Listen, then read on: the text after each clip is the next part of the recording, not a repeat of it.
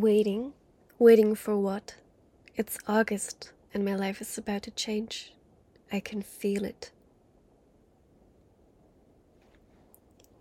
Dat is een quote die ik in de week tegenkwam toen ik door Pinterest aan het scrollen was. En ik heb die onmiddellijk opgeslagen in mijn filmrol.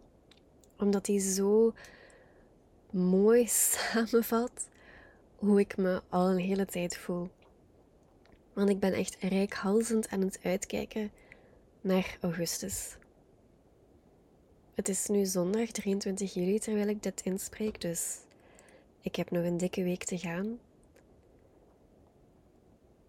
Maar er zit zoveel te wachten. En ik ben te wachten echt heel, heel erg beu. In augustus begin ik, naar mijn gevoel, aan een nieuwe fase in mijn leven. En ja, ik denk dat het dat ook is waar ik over wil praten vandaag. Er zit heel veel in mijn hoofd en heel veel dingen hangen samen, zoals alles uiteraard verbonden is. Dus exact waar deze podcast weer naartoe gaat gaan, ik kan het je nog niet vertellen, maar ja, ik hoop dat je hem uitluistert en dat we dat samen kunnen gaan verkennen in deze aflevering.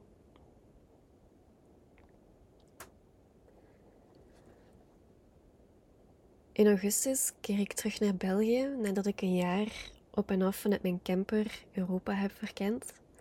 Samen met Rafa, mijn partner.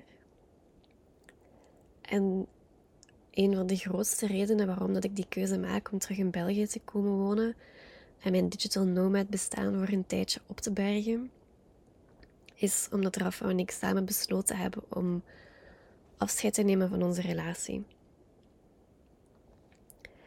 En ik ben al de hele tijd aan het invoelen van hoe wil ik daar nu over delen? Omdat ik er echt heel graag over wil delen. Maar ik heb echt zitten zoeken, ja, zitten voelen vooral, van wat is nu de juiste manier om mijn verhaal te delen. Want Rafa en ik hebben samen een YouTube-channel, Rafa en Bo, waarop wij video's deelden van onze, van onze reizen in de camper.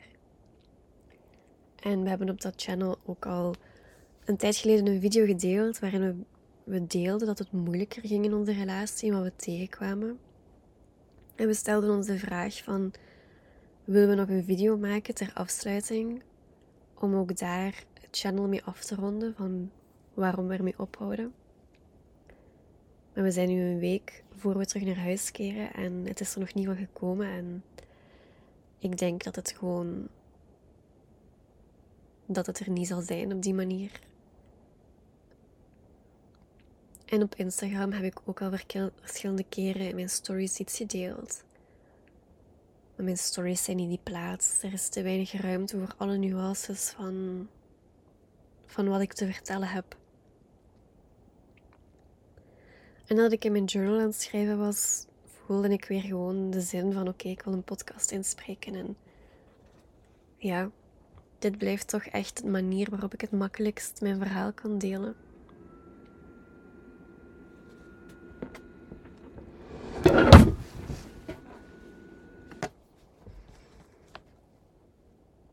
En soms vraag ik me dan af van waarom deel ik dat? Wel, in de eerste plaats omdat het voor mij heel erg therapeutisch voelt en helend voelt om dat gewoon in the open te hebben.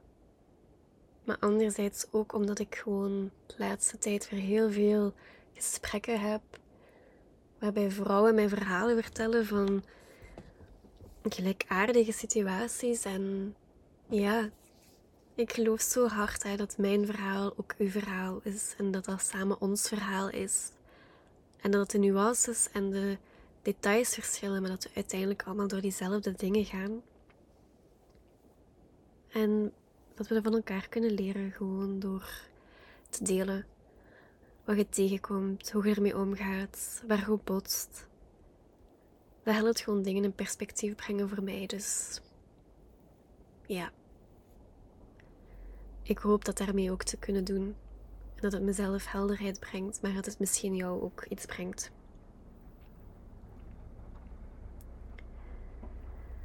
Ik voel dat ik het best moeilijk vind om te weten van waar ga ik nu eigenlijk juist beginnen in dit verhaal. Er is zoveel, hè? hoe ver ga je terug?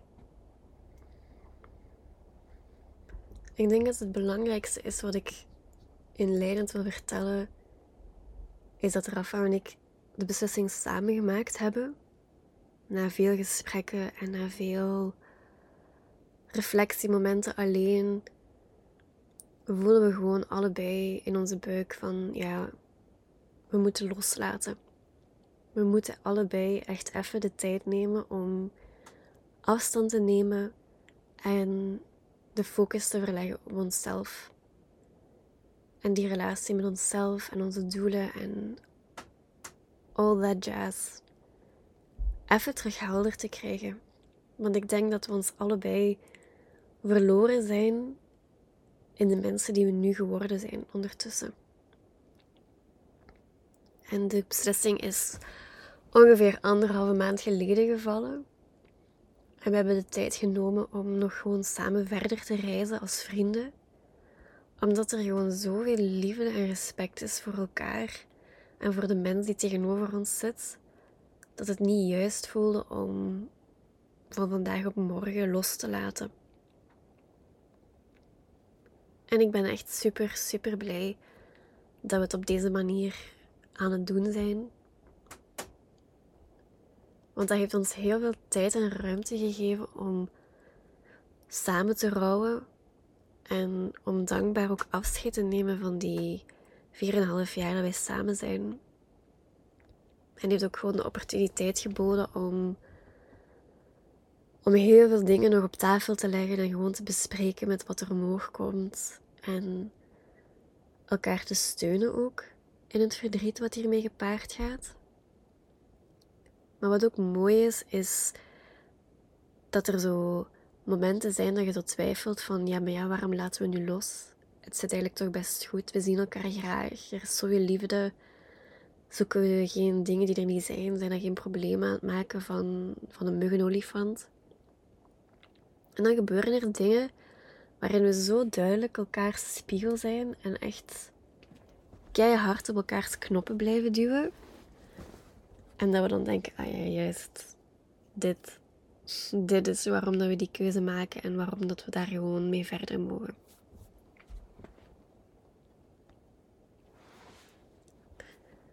En dat is echt heel interessant om te zien. Een ding wat ik heel erg tegenkom bij onze breuk, is dat dat voor mij voelt als opgeven. Omdat, ja, waarom eigenlijk?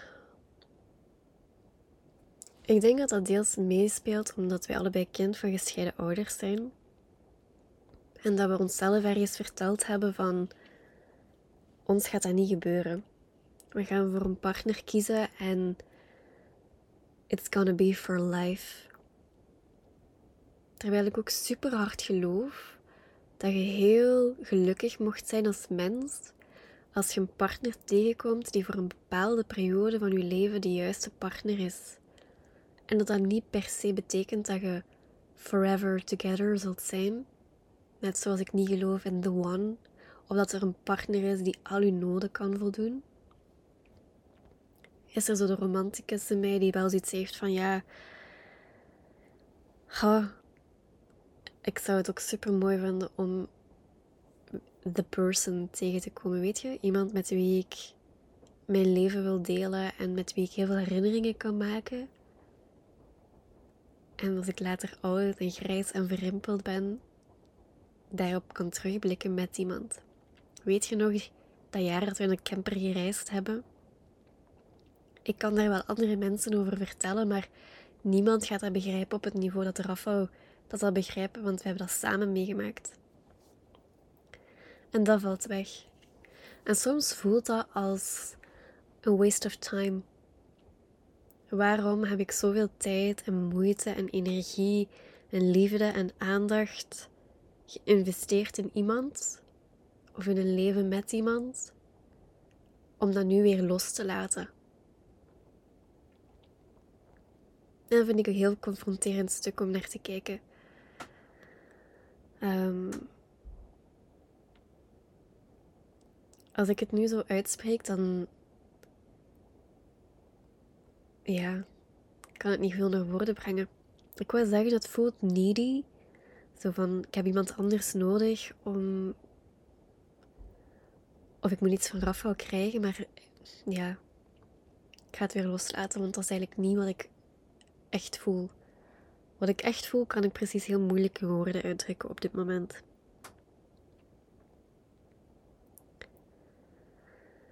Er zit bij mij ook een stukje angst rond het alleen zijn.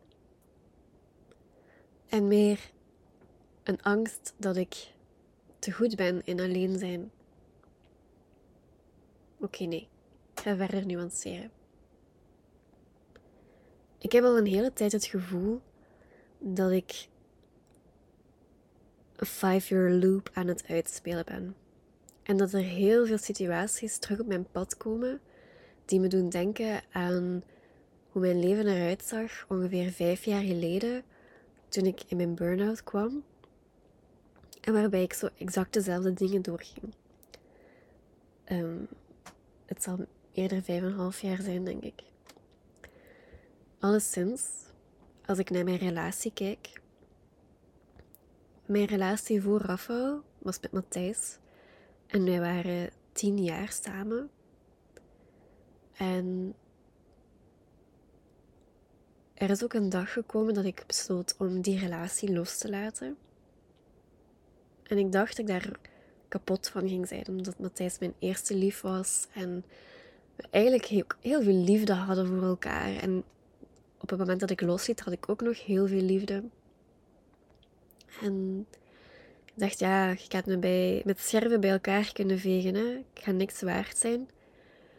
Maar eens dat ik die beslissing gemaakt had en ik heb hem dat verteld, was er echt zo'n last die van mijn schouders viel.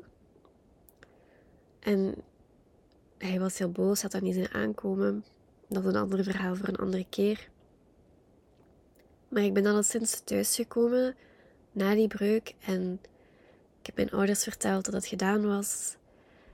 En dan ben ik naar mijn kamer gegaan en ben ik zo beginnen alle spullen die van hem waren in te pakken. En alle herinneringen die ik had aan ons in een doos te doen omdat ik daar niet de hele tijd naar wou kijken. En dan heb ik een half uur lang hysterisch gehuild. En het voelde alsof ik daarmee die relatie, voilà, afgerond had. Wat ik natuurlijk vergat op dat moment was dat ik al heel veel tranen had gelaten daarvoor. En dat ik al heel veel gerouwd had en heel veel afscheid genomen had op mezelf. Maar ik vond dat zo frappant dat ik tien jaar op een uur gesprek en een half uur huilen precies zo netjes in een doosje had gestoken. En dat was het. Ik heb daarna geen verdriet gehad. Ik heb daarna niet gehuild. Ik heb het daarna niet meer moeilijk gehad. Ik ben gewoon doorgegaan met mijn leventje alsof er niks anders was. En ik kreeg van mensen toen heel vaak de opmerking van... Mai, uh, je bent echt supergoed zo in alleen zijn, hè? Dat gaat u precies echt goed af. En ik was daar ergens zo trots op. Dat was zo'n erebadge van... Maar ja, zie eens hoe onafhankelijk ik ben. Ik heb niemand nodig. En um, ja, zie me dat hier eens even doen. Ik wou ook niet daten. Ik had ook geen behoefte aan iemand tegenkomen. Ik moet er wel in alle eerlijkheid bij vermelden dat ik verliefd was op iemand die niet beschikbaar was. Maar ook dat, dat was veilig, want verliefd zijn op iemand die niet beschikbaar is, betekende ook dat ik niemand moest toelaten in mijn wereldje. En dat ik gewoon lekker op mijn eentje kon blijven. Ook een verhaal voor een andere keer. En in de maanden voorafgaand aan vandaag kwam ik terug in dat gevoel van het besef ik heb Rafa helemaal niet nodig. En dat is begonnen vanuit een soort verdedigingsmechanisme. Omdat we heel hard in elkaars pijn kwamen. Of in, of in elkaars triggers kwamen.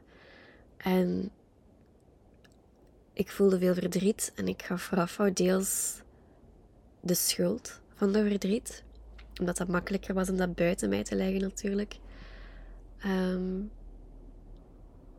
en ik begon zo dat patroon terug te herkennen van, oh, ik ben muren aan het optrekken. Hè? Ik ben hem buiten aan het zetten en buiten aan het houden, want het is te pijnlijk om hem dichtbij te laten komen. En ik hoorde mezelf terug dingen zeggen zoals: Ja, maar ik heb u niet nodig, hè. Ik kan alles perfect zelf. Zo is er een periode geweest de afgelopen maanden waarin Rafał een maand op familiebezoek in het buitenland was en ik een maand alleen in de camper woonde. En daarin heel hard voelde van ja, eigenlijk ziet mijn leven in de camper er niet super veel anders uit alleen dan met Rafał. Ik kan perfect alle praktische dingen alleen aan. Ik kan perfect alles organiseren en, en ergens heen rijden en de dingen zien die ik wil zien en zonder hem. Ik heb hem niet nodig. En ik vond daarin een soort um, hoop of moed en veiligheid van ja, ziet je wel, ik heb niemand nodig. Hè? Terug dat I can do it on my own. Maar later kwam dan het zo, de realisatie van ja, maar wil ik het wel alleen? Het is niet dat ik het kan, dat ik het ook moet, hè. Of dat dat is wat mij gelukkig maakt. En daar heb ik heel veel tijd en aandacht en ruimte voor gelaten om daar echt, echt naartoe te gaan voelen. En daarin zie ik weer een stuk van mijn groei naar hoe dat, dat toch anders is dan vijf jaar geleden. Want het is voor mij wel heel duidelijk ondertussen dat ik heel graag een partner wil in mijn leven. Met wie ik iets opbouw en iets blijvend opbouw. En heb ik zo de romantische gedachte dat we later ooit samen grijs en verrimpeld zijn en terugkijken op dat leven wat we samen gebouwd hebben. En ik wil iemand tegen wie ik kan zeggen: zeg, weet je nog dat we dit en dit en dit hebben gedaan en dat we daarover kunnen praten? Ik wil herinneringen met iemand. En ik wil herinneringen maken die ik met iemand kan delen. En niet gewoon vreemden of buitenstaanders daarover vertellen. Die kunnen zeggen, oh ja, mooi of leuk. Maar ja, niet de nuances, hè? Niet de details van het verhaal, niet de beleving op zich heb ik gehad. Wat me verbaast, want ik zou vroeger echt altijd gedacht hebben dat ik, um, dat, ik dat niet had. Dus er is een beweging geweest, ergens intern. Een van de belangrijkste dingen die ik daarin tegen ben gekomen is de shift naar mezelf. Ik geloof nog steeds, maar vanuit een andere plek, dat ik whole en complete ben zonder iemand anders. Maar dat is niet meer vanuit die pijn of niet meer vanuit de gedachte van ja, maar er is niemand op wie ik kan vertrouwen of er is niemand die voor me zorgt. Maar eerder vanuit die plek vanuit liefde van ja, maar ik ben alles wat ik nodig heb. Ik ben de eerste lijn, de persoon die mezelf alles, maar ook echt alles kan geven wat ik zoek in dit leven. En dat is liefde, en dat is aandacht, en dat is zorg, en dat is comfort, en dat is veiligheid. En ja, die lijst die loopt eindeloos door. Hè? Ik zit echt op een proces, op een pad, waarbij ik dat echt steeds minder buiten mezelf ga zoeken. En er is een tijd geweest dat ik daar wel heel hard naar op zoek was, buiten mezelf. Dat ik het gevoel had van, oh, daar wordt er mij onrecht aan gedaan. Ik heb niet gekregen waar ik recht op heb. Van een ander. En ik besef gewoon super hard dat dat waar kan zijn. Dat ik inderdaad waarschijnlijk dingen gemist heb in mijn opvoeding, in mijn ouders, in de volwassenen om me heen, in mijn partners, in mijn vriendschappen. maar dat de belangrijkste persoon van wie ik dingen gemist heb van mezelf is.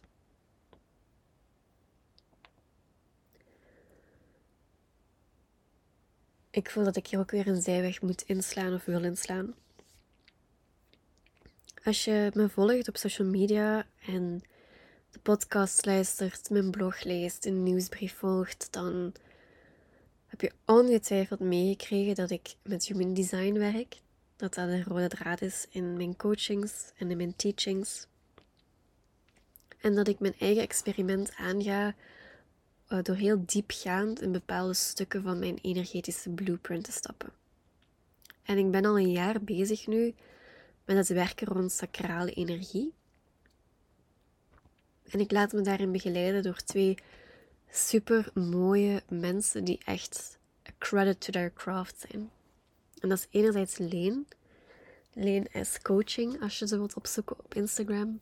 En anderzijds Gert van The Body Knows. Ik zal hun accounts ook even in de show notes vermelden. Kan je zelf eens een keer gaan invoelen, moest je daar iets bij voelen. En um, hun begeleiding speelt sowieso mee in het proces waar ik nu in zit. Kan niet anders. Kan echt niet anders. En ik ben er super dankbaar voor dat ik die weg ben ingeslaan. Ik zou niet meer terug willen.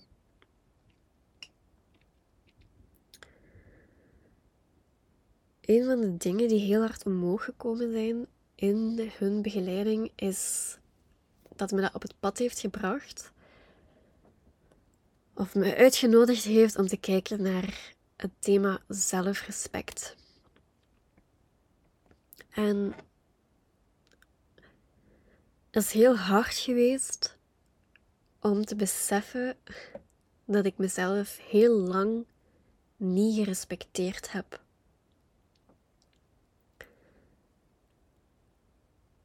En ik heb daar tegen gevochten. Tegen die realisatie omdat dat zo pijnlijk is om aan jezelf toe te geven van amai, ik heb hier precies te kort geschoten. En ik weet heel zeker dat mensen, als ze de podcast luisteren, mij gaan aanspreken, net zoals veel mensen in mijn omgeving mij aanspreken en zeggen, maar je moet niet zo hard zijn voor jezelf, niet zo streng zijn, maar dit is niet vanuit strengheid dat ik dit zeg. Maar zo voelt dat gewoon. Ik heb te kort geschoten. En dat is een heel erg compassievolle manier waarop ik dit bedoel. Want met dat kunnen toegeven aan mezelf dat dat zo is, ben ik daar pas iets aan kunnen gaan veranderen. In, in een sessie met Leen kwam ze heel hard naar boven van ehm, ja, dat ik dat ik vind dat ik meer verdien. En als ik zeg meer verdien, dan bedoel ik van, ah, ik verdien meer liefde, ik verdien meer aandacht, ik verdien meer zorg, ik verdien meer betrokkenheid, ik verdien zoveel meer, meer, meer, waar ik het gevoel heb dat ik tekort heb gehad. En ik herinner me nog dat ik een voice note insprak na die sessie en ik echt moest huilen. En als ik terugluister, dan breekt mijn hart nog iedere keer opnieuw. Omdat ik daarin zeg: Ik verdien zoveel beter, mooier, liefdevoller, warmer. Maar in de eerste plaats van mezelf. En ik heb mezelf in dat moment ook de belofte gedaan van kijk, dat stopt hier nu. Hè. Ik ga mezelf echt beter beginnen respecteren. Dit is zelfliefde. Dit is zelfrespect. Dit is zelfzorg. Ik ga komen opdagen voor mezelf. En zo'n dingen gaan niet over één nacht ijs. Um,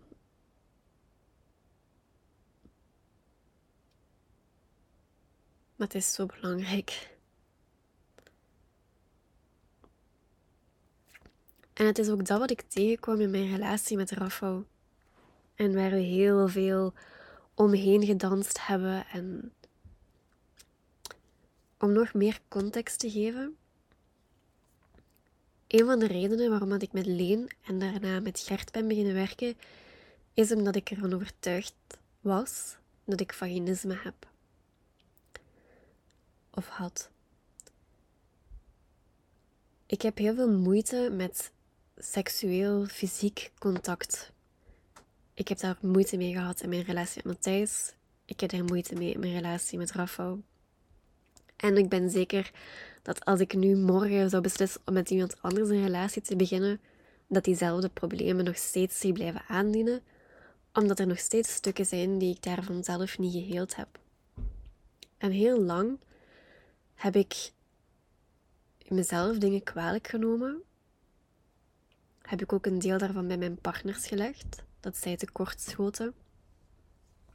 En op dit moment weet ik het even niet meer zo goed zelf waar ik zit. Buiten dat ik vind dat ik hier naar te kijken heb en dat ik hier iets aan wil doen.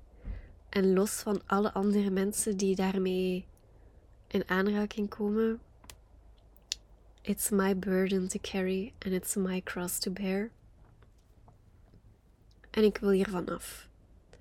Weet je, ik wil groeien. Ik wil als vrouw me volledig vrouw voelen. Ik wil mijn seksualiteit verkennen. Ik wil genieten van seks en intimiteit en van gewoon aangeraakt worden. En al die lading die daar de afgelopen 30 jaar, laten we zeggen de afgelopen 15 jaar, op heeft gelegen.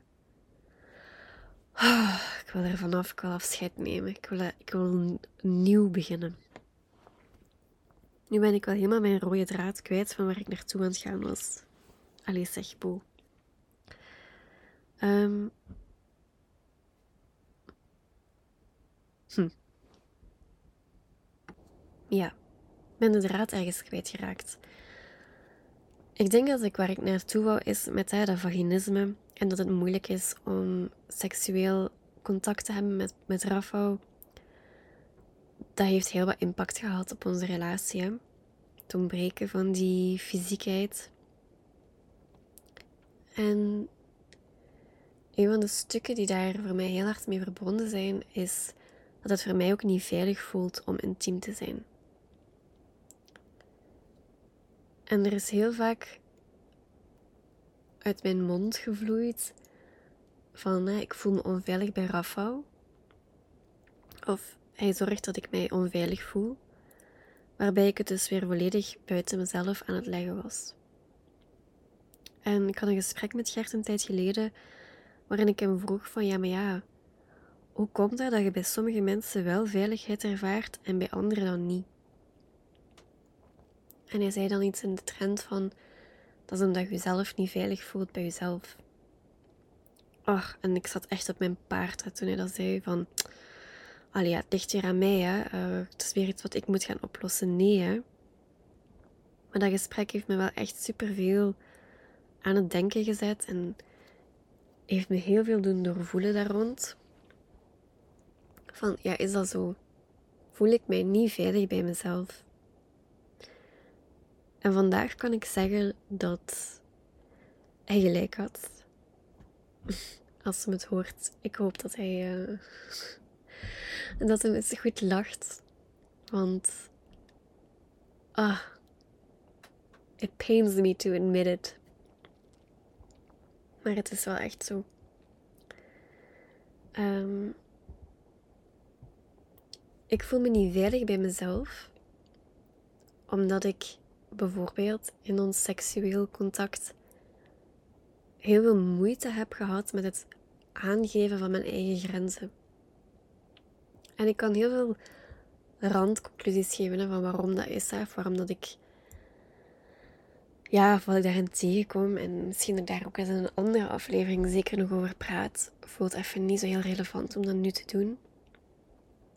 Maar het feit is dat ik gewoon in dat stuk zelfrespect dat niet kon. Grenzen aangeven, bewaken, verdedigen, is echt een, een dingetje. Alleen maak ik het hier kleiner. is echt een ding.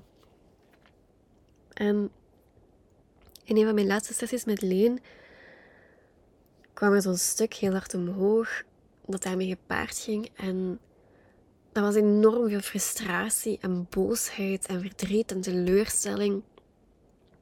En ik zei, oh, het is onredelijk, hè. En ik heb heel veel moeite met onredelijk boos mogen zijn. Ik zei tegen Leen, het is onredelijk, maar ik ben boos. En ik ben boos op Rafa. Oh, die heeft me zoveel afgepakt rond mijn sensualiteit en mijn vrouwelijkheid en mijn uh, goesting en seks en dat verkennen. En ik was het weer allemaal bij hem aan het leggen. En dan kwam ik weer zo'n stuk dat ik boos werd op mezelf van nee, Bo. Iemand kan u iets niet afpakken. Jij hebt zelf iets afgegeven. En je hebt het u laten afpakken. Maar dat begint en eindigt bij u, hè. Ja, nu is het echt een hele, hele Gentse aan het worden in deze podcast. Ah, ik hoop dat je nog mee bent. Waar ik naartoe wil is dat ik dus besefte de laatste weken van, kijk, Rafa en ik komen in een dynamiek. Waarbij ik me onveilig voel in onze relatie, in onze intimiteit, omdat ik het gevoel heb dat hij mijn grenzen niet respecteert. Maar ik respecteer die grenzen niet.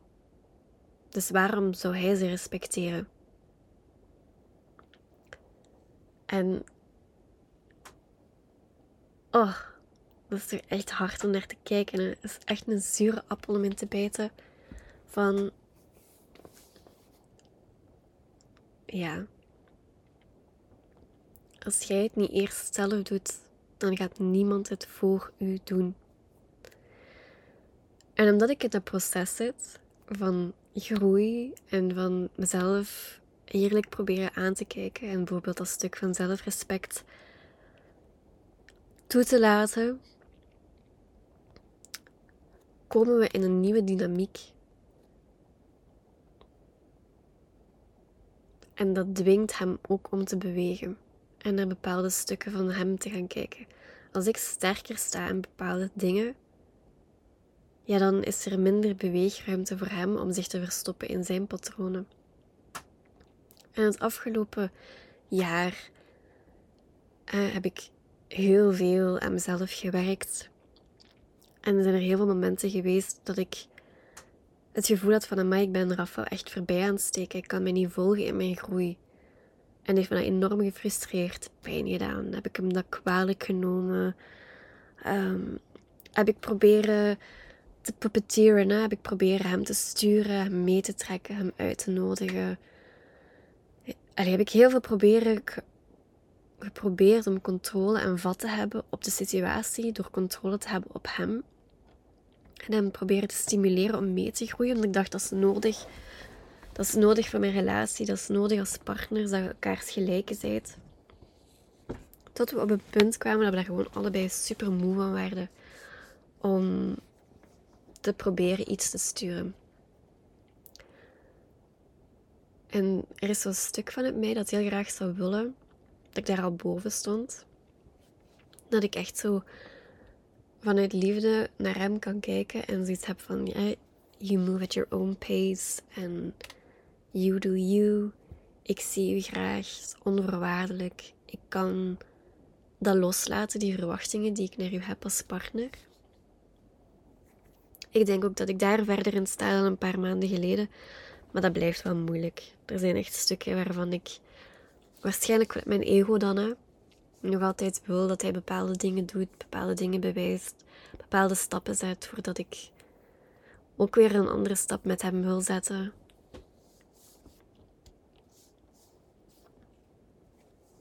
Goh, amai, dit is echt uh, all over the place. Ja, ja. Um, ben ik dus nog niet. Ben ik dus nog niet. Het grappige is, hè, want dat we allemaal zelf willen. Dat iemand ons graag ziet en van ons houdt en ruimte biedt om te groeien op ons eigen tempo en er toch nog te zijn. Ik denk dat ik even terugcirkel naar iets wat ik eerder in de podcast zei van dat het als opgeven voelt om de relatie los te laten. Dat is dit stuk, hè. Dat zo tegenkomen van, kijk, als partners zijt je elkaars grootste spiegel. Ook iets wat Gert me heeft verteld. en waar ik het eerst heel moeilijk mee had. Maar dat is wel zo. En er is zo'n een, een, stukje van Esther Perel, haar eh, speech, die mij ook bijblijft, waarin ze dat ook zo zegt van... Als koppel denk je soms dat je los van elkaar moet groeien of dat je eerst bepaalde versies van jezelf moet worden voordat je een relatie met iemand kunt stappen of met iemand verder kunt. Maar dat is eigenlijk niet waar. Je kunt pas groeien in relatie met elkaar. Of in relatie ten opzichte van iemand anders. Zo merk je dat je gegroeid bent. En het is daarom dat ik het zo moeilijk vind, ook denk ik, dat we nu besluiten om los te laten. Net omdat we die thema's die we nu in elkaar triggeren toch gaan blijven tegenkomen, totdat we die in onszelf hebben opgelost. Maar ik dus niet geloof dat je die buiten de relatie eerst alleen te verwerken hebt. En dat dat toch eigenlijk is waar we nu voor kiezen om dat te gaan doen. En er is ook een stuk van mij dat zegt: nee, dat is echt even heel gezond. Jullie hebben een adempauze nodig, allebei.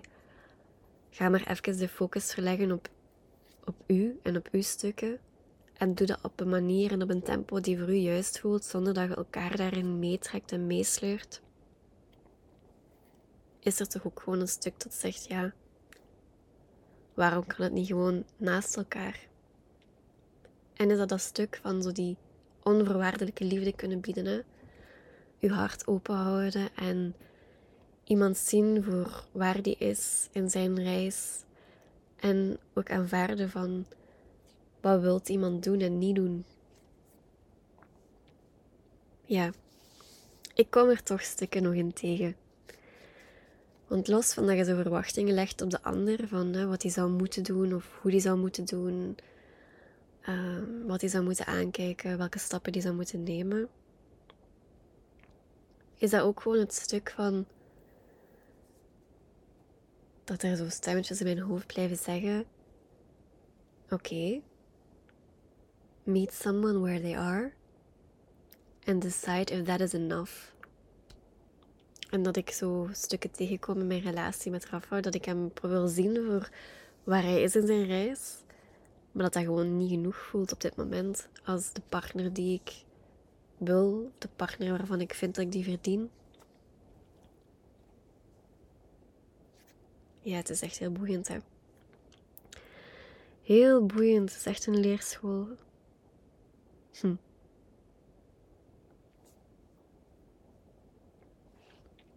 Ook dat is een ding, hè.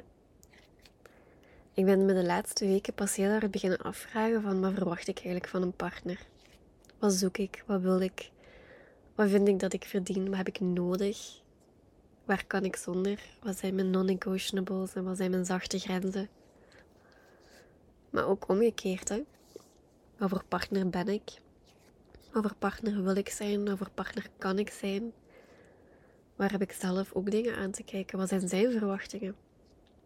En beseften we ook gewoon super hard dat we daar al heel lang niet meer met elkaar over hadden gesproken. Over die verwachtingen van elkaar. Zonder dat dat eisen worden, maar wel gewoon op tafel ligt van kijk, dit is hoe wij daar samen in staan en dit is wat we elkaar bieden, dit is wat we nodig hebben en dit is wat we bij elkaar vinden.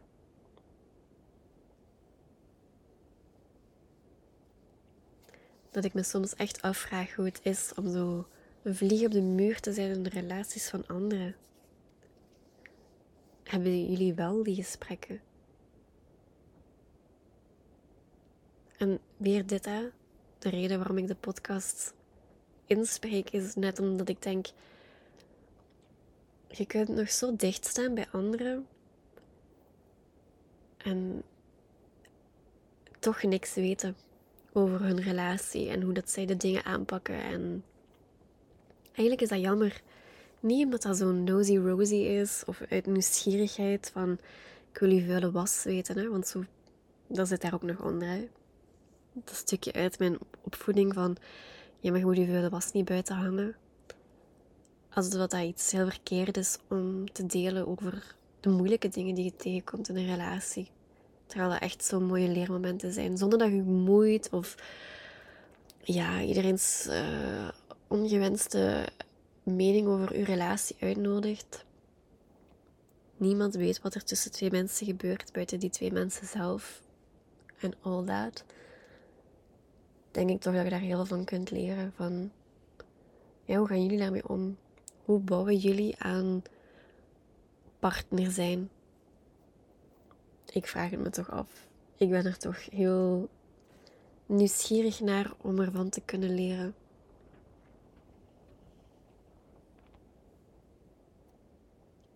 Alleszins.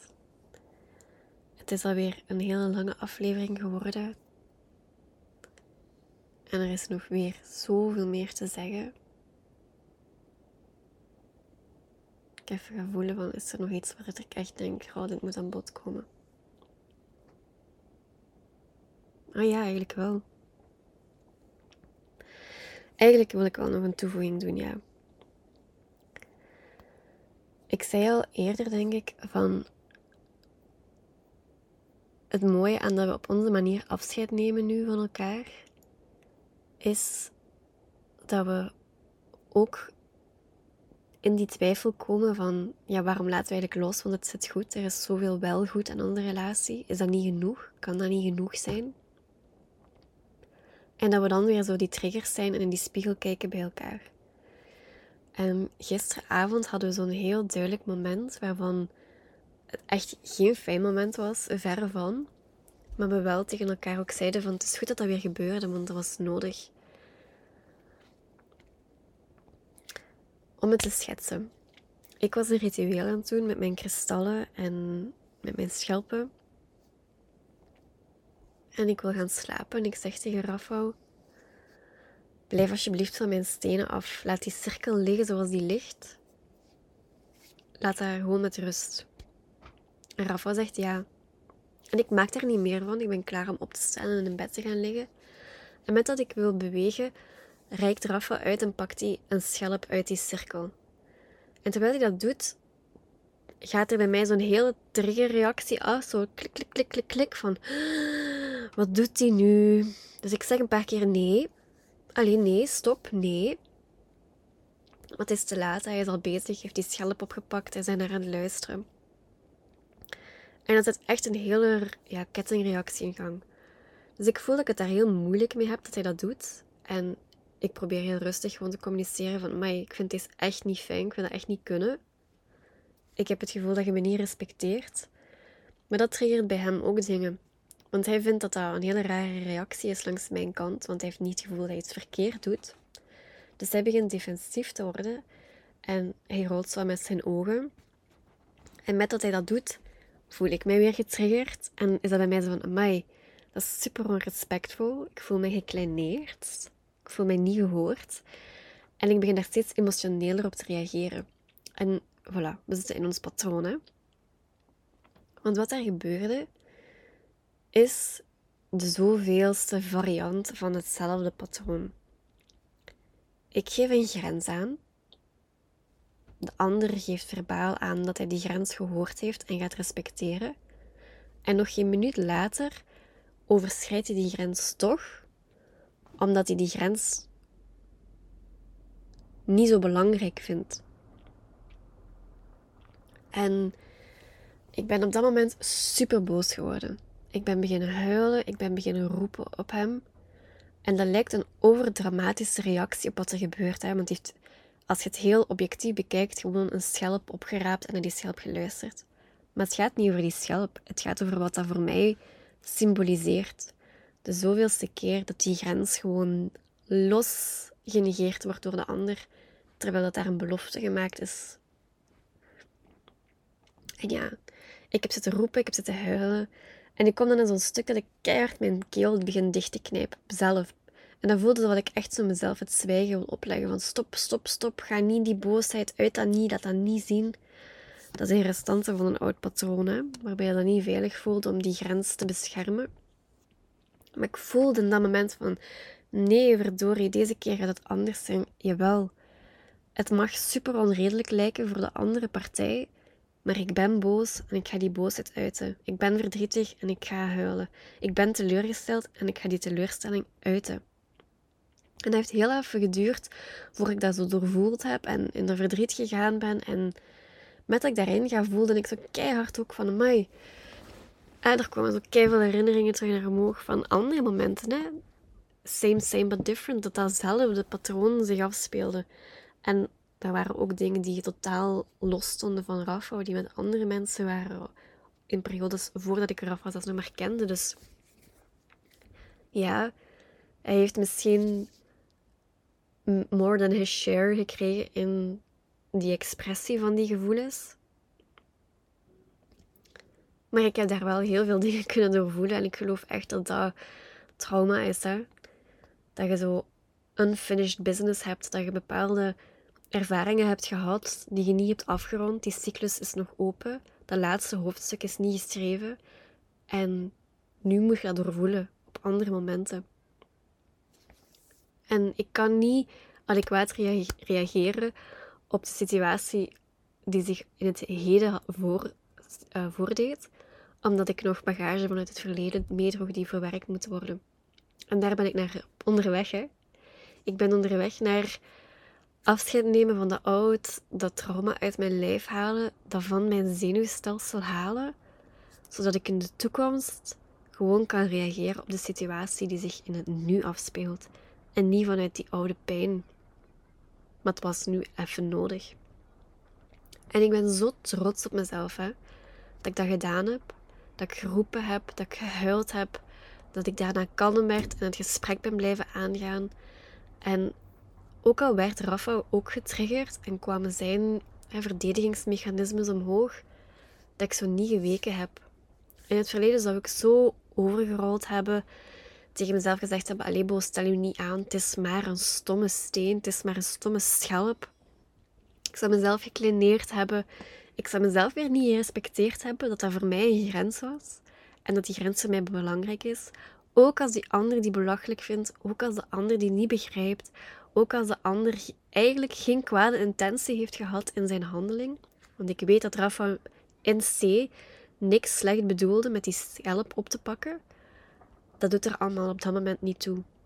Dat was een grens, ik heb die gecommuniceerd en hij heeft die toegestemd en toch genegeerd. Dus ik heb recht om daar iets bij te voelen en ik heb recht om daarop te handelen en daarnaar te reageren. En dan kwam ik weer in dat stuk van: kijk, het enige waar ik verantwoordelijkheid voor kan nemen en controle op kan hebben, is die grenzen. Ik kan die stellen, ik kan die verdedigen, ik kan die grens bewaken.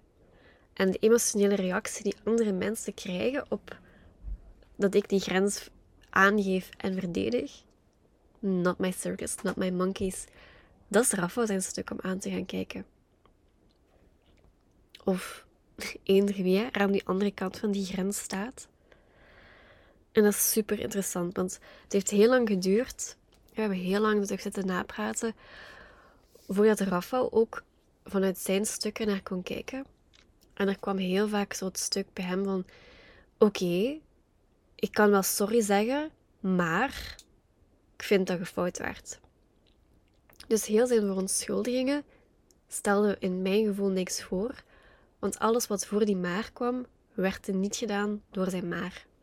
En ik zei ook tegen hem op een bepaald moment: dat is hetzelfde als mensen die zeggen: Ik wil niet racistisch zijn, maar. en dan een racistische uitspraak doen dan is het empty and void dat je zegt: Ik wil niet doen, maar. En je doet het toch. Het is een keuze. Het zijn keuzes. En alles is energie, alles is uitwisseling. Dus mijn reactie heeft een invloed op Rafa. En Rafa zijn acties hebben invloed op mijn gedrag. En zo beïnvloeden we elkaar de hele tijd. En het enige wat we kunnen doen, is verantwoordelijkheid nemen voor ons eigen stuk en voor onze eigen impact en wat ons handelen doet met iemand anders. Ja. Ja, en dan wil ik dus gewoon nog heel graag even toevoegen. Dat ik echt trots ben op mezelf, dat ik mezelf respecteer. En dat ik niet hetzelfde doe als ik vroeger zou hebben gedaan. En dat ik heel bewust anders ben kunnen omgaan met de situatie. Niet initieel, maar wel gaandeweg. En ik vier dat echt. Maar het voelt nu misschien minder impactvol, omdat ik het ook al tegen, tegen Manon, tegen mijn beste vriendin heb ingesproken deze ochtend. Maar wauw, wauw, hoe ver ben ik hierin gekomen? Op een paar maanden tijd. En ik ben zo hoopvol, hè. Oh, want er staat nog zoveel meer te wachten vanaf augustus. Anyways, ik ga hier wel afronden, want ik ben al bijna een uur aan het inspreken. Ik ben benieuwd of je tot het einde aan het uitluisteren bent. If you're still here, again, I really, really, really appreciate you for listening. En ik ben echt super benieuwd. Super benieuwd wat jij hoort als je de aflevering luistert. Of dat er iets is wat u opvalt. Of er iets is wat je mij misschien wilt teruggeven. Of er iets is wat u heeft aangesproken en waarvan je denkt, amai, Bo, uh, wil ik even teruggeven? Wil ik even delen? Mijn DM's op Instagram staan open. Ik vind het super, super fijn om ja, ook van jou te horen. Hè? Want je hebt ook net een uur naar mij zitten luisteren. Altijd welkom. Echt waar. Um, hm. Ik voel ook alweer zin om nog verder op te nemen. Een andere aflevering te starten. Ik ga het niet doen. Ik ga hem even buiten zetten. Ik ga het ook even laten zakken. So much been said again. Yeah. You know by now there's always more to come. En uh, hm.